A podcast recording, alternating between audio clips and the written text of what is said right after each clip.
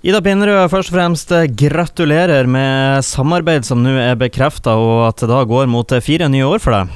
Ja, det var nå litt tidlig å gratulere. Det er sånn at uh, vi er fem partier som er enige om å gå i forhandlinger i lag. Så skal det forhandles, og det er ingenting som er klart før, før de er ferdige. Mm.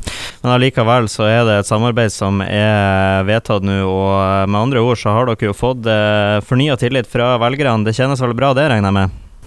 Som sagt så er det ingenting som er avklart ennå. Vi er fem partier som eh, skal gå i lag i forhandlinger. Det er det vi er enige om. Eh, og så skal forhandlingene få vise eh, hva, hva, som fører fram av det. da. Det er på selveste fredagen 13. at enigheten mellom partiene faller. Da er det altså ikke en ulykkesdag i, i dag, i hvert fall.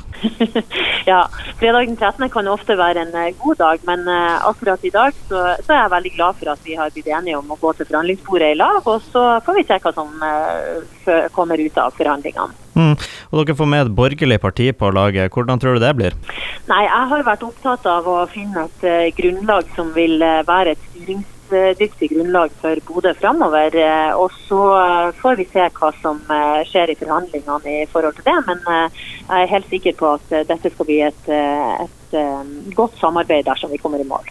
Og helt til slutt, jeg ser du allerede har sagt at det blir avslapping i helga. Blir det litt feiring når man har kommet i mål med, med enigheten her, eller blir det rett og slett bare avslapping med familie gjennom helga nå? Nei, nå blir det bare avslapping og familie, og jeg feirer ingenting før vi eventuelt har landa endelige forhandlinger og en uh, avtale. Ikke sant.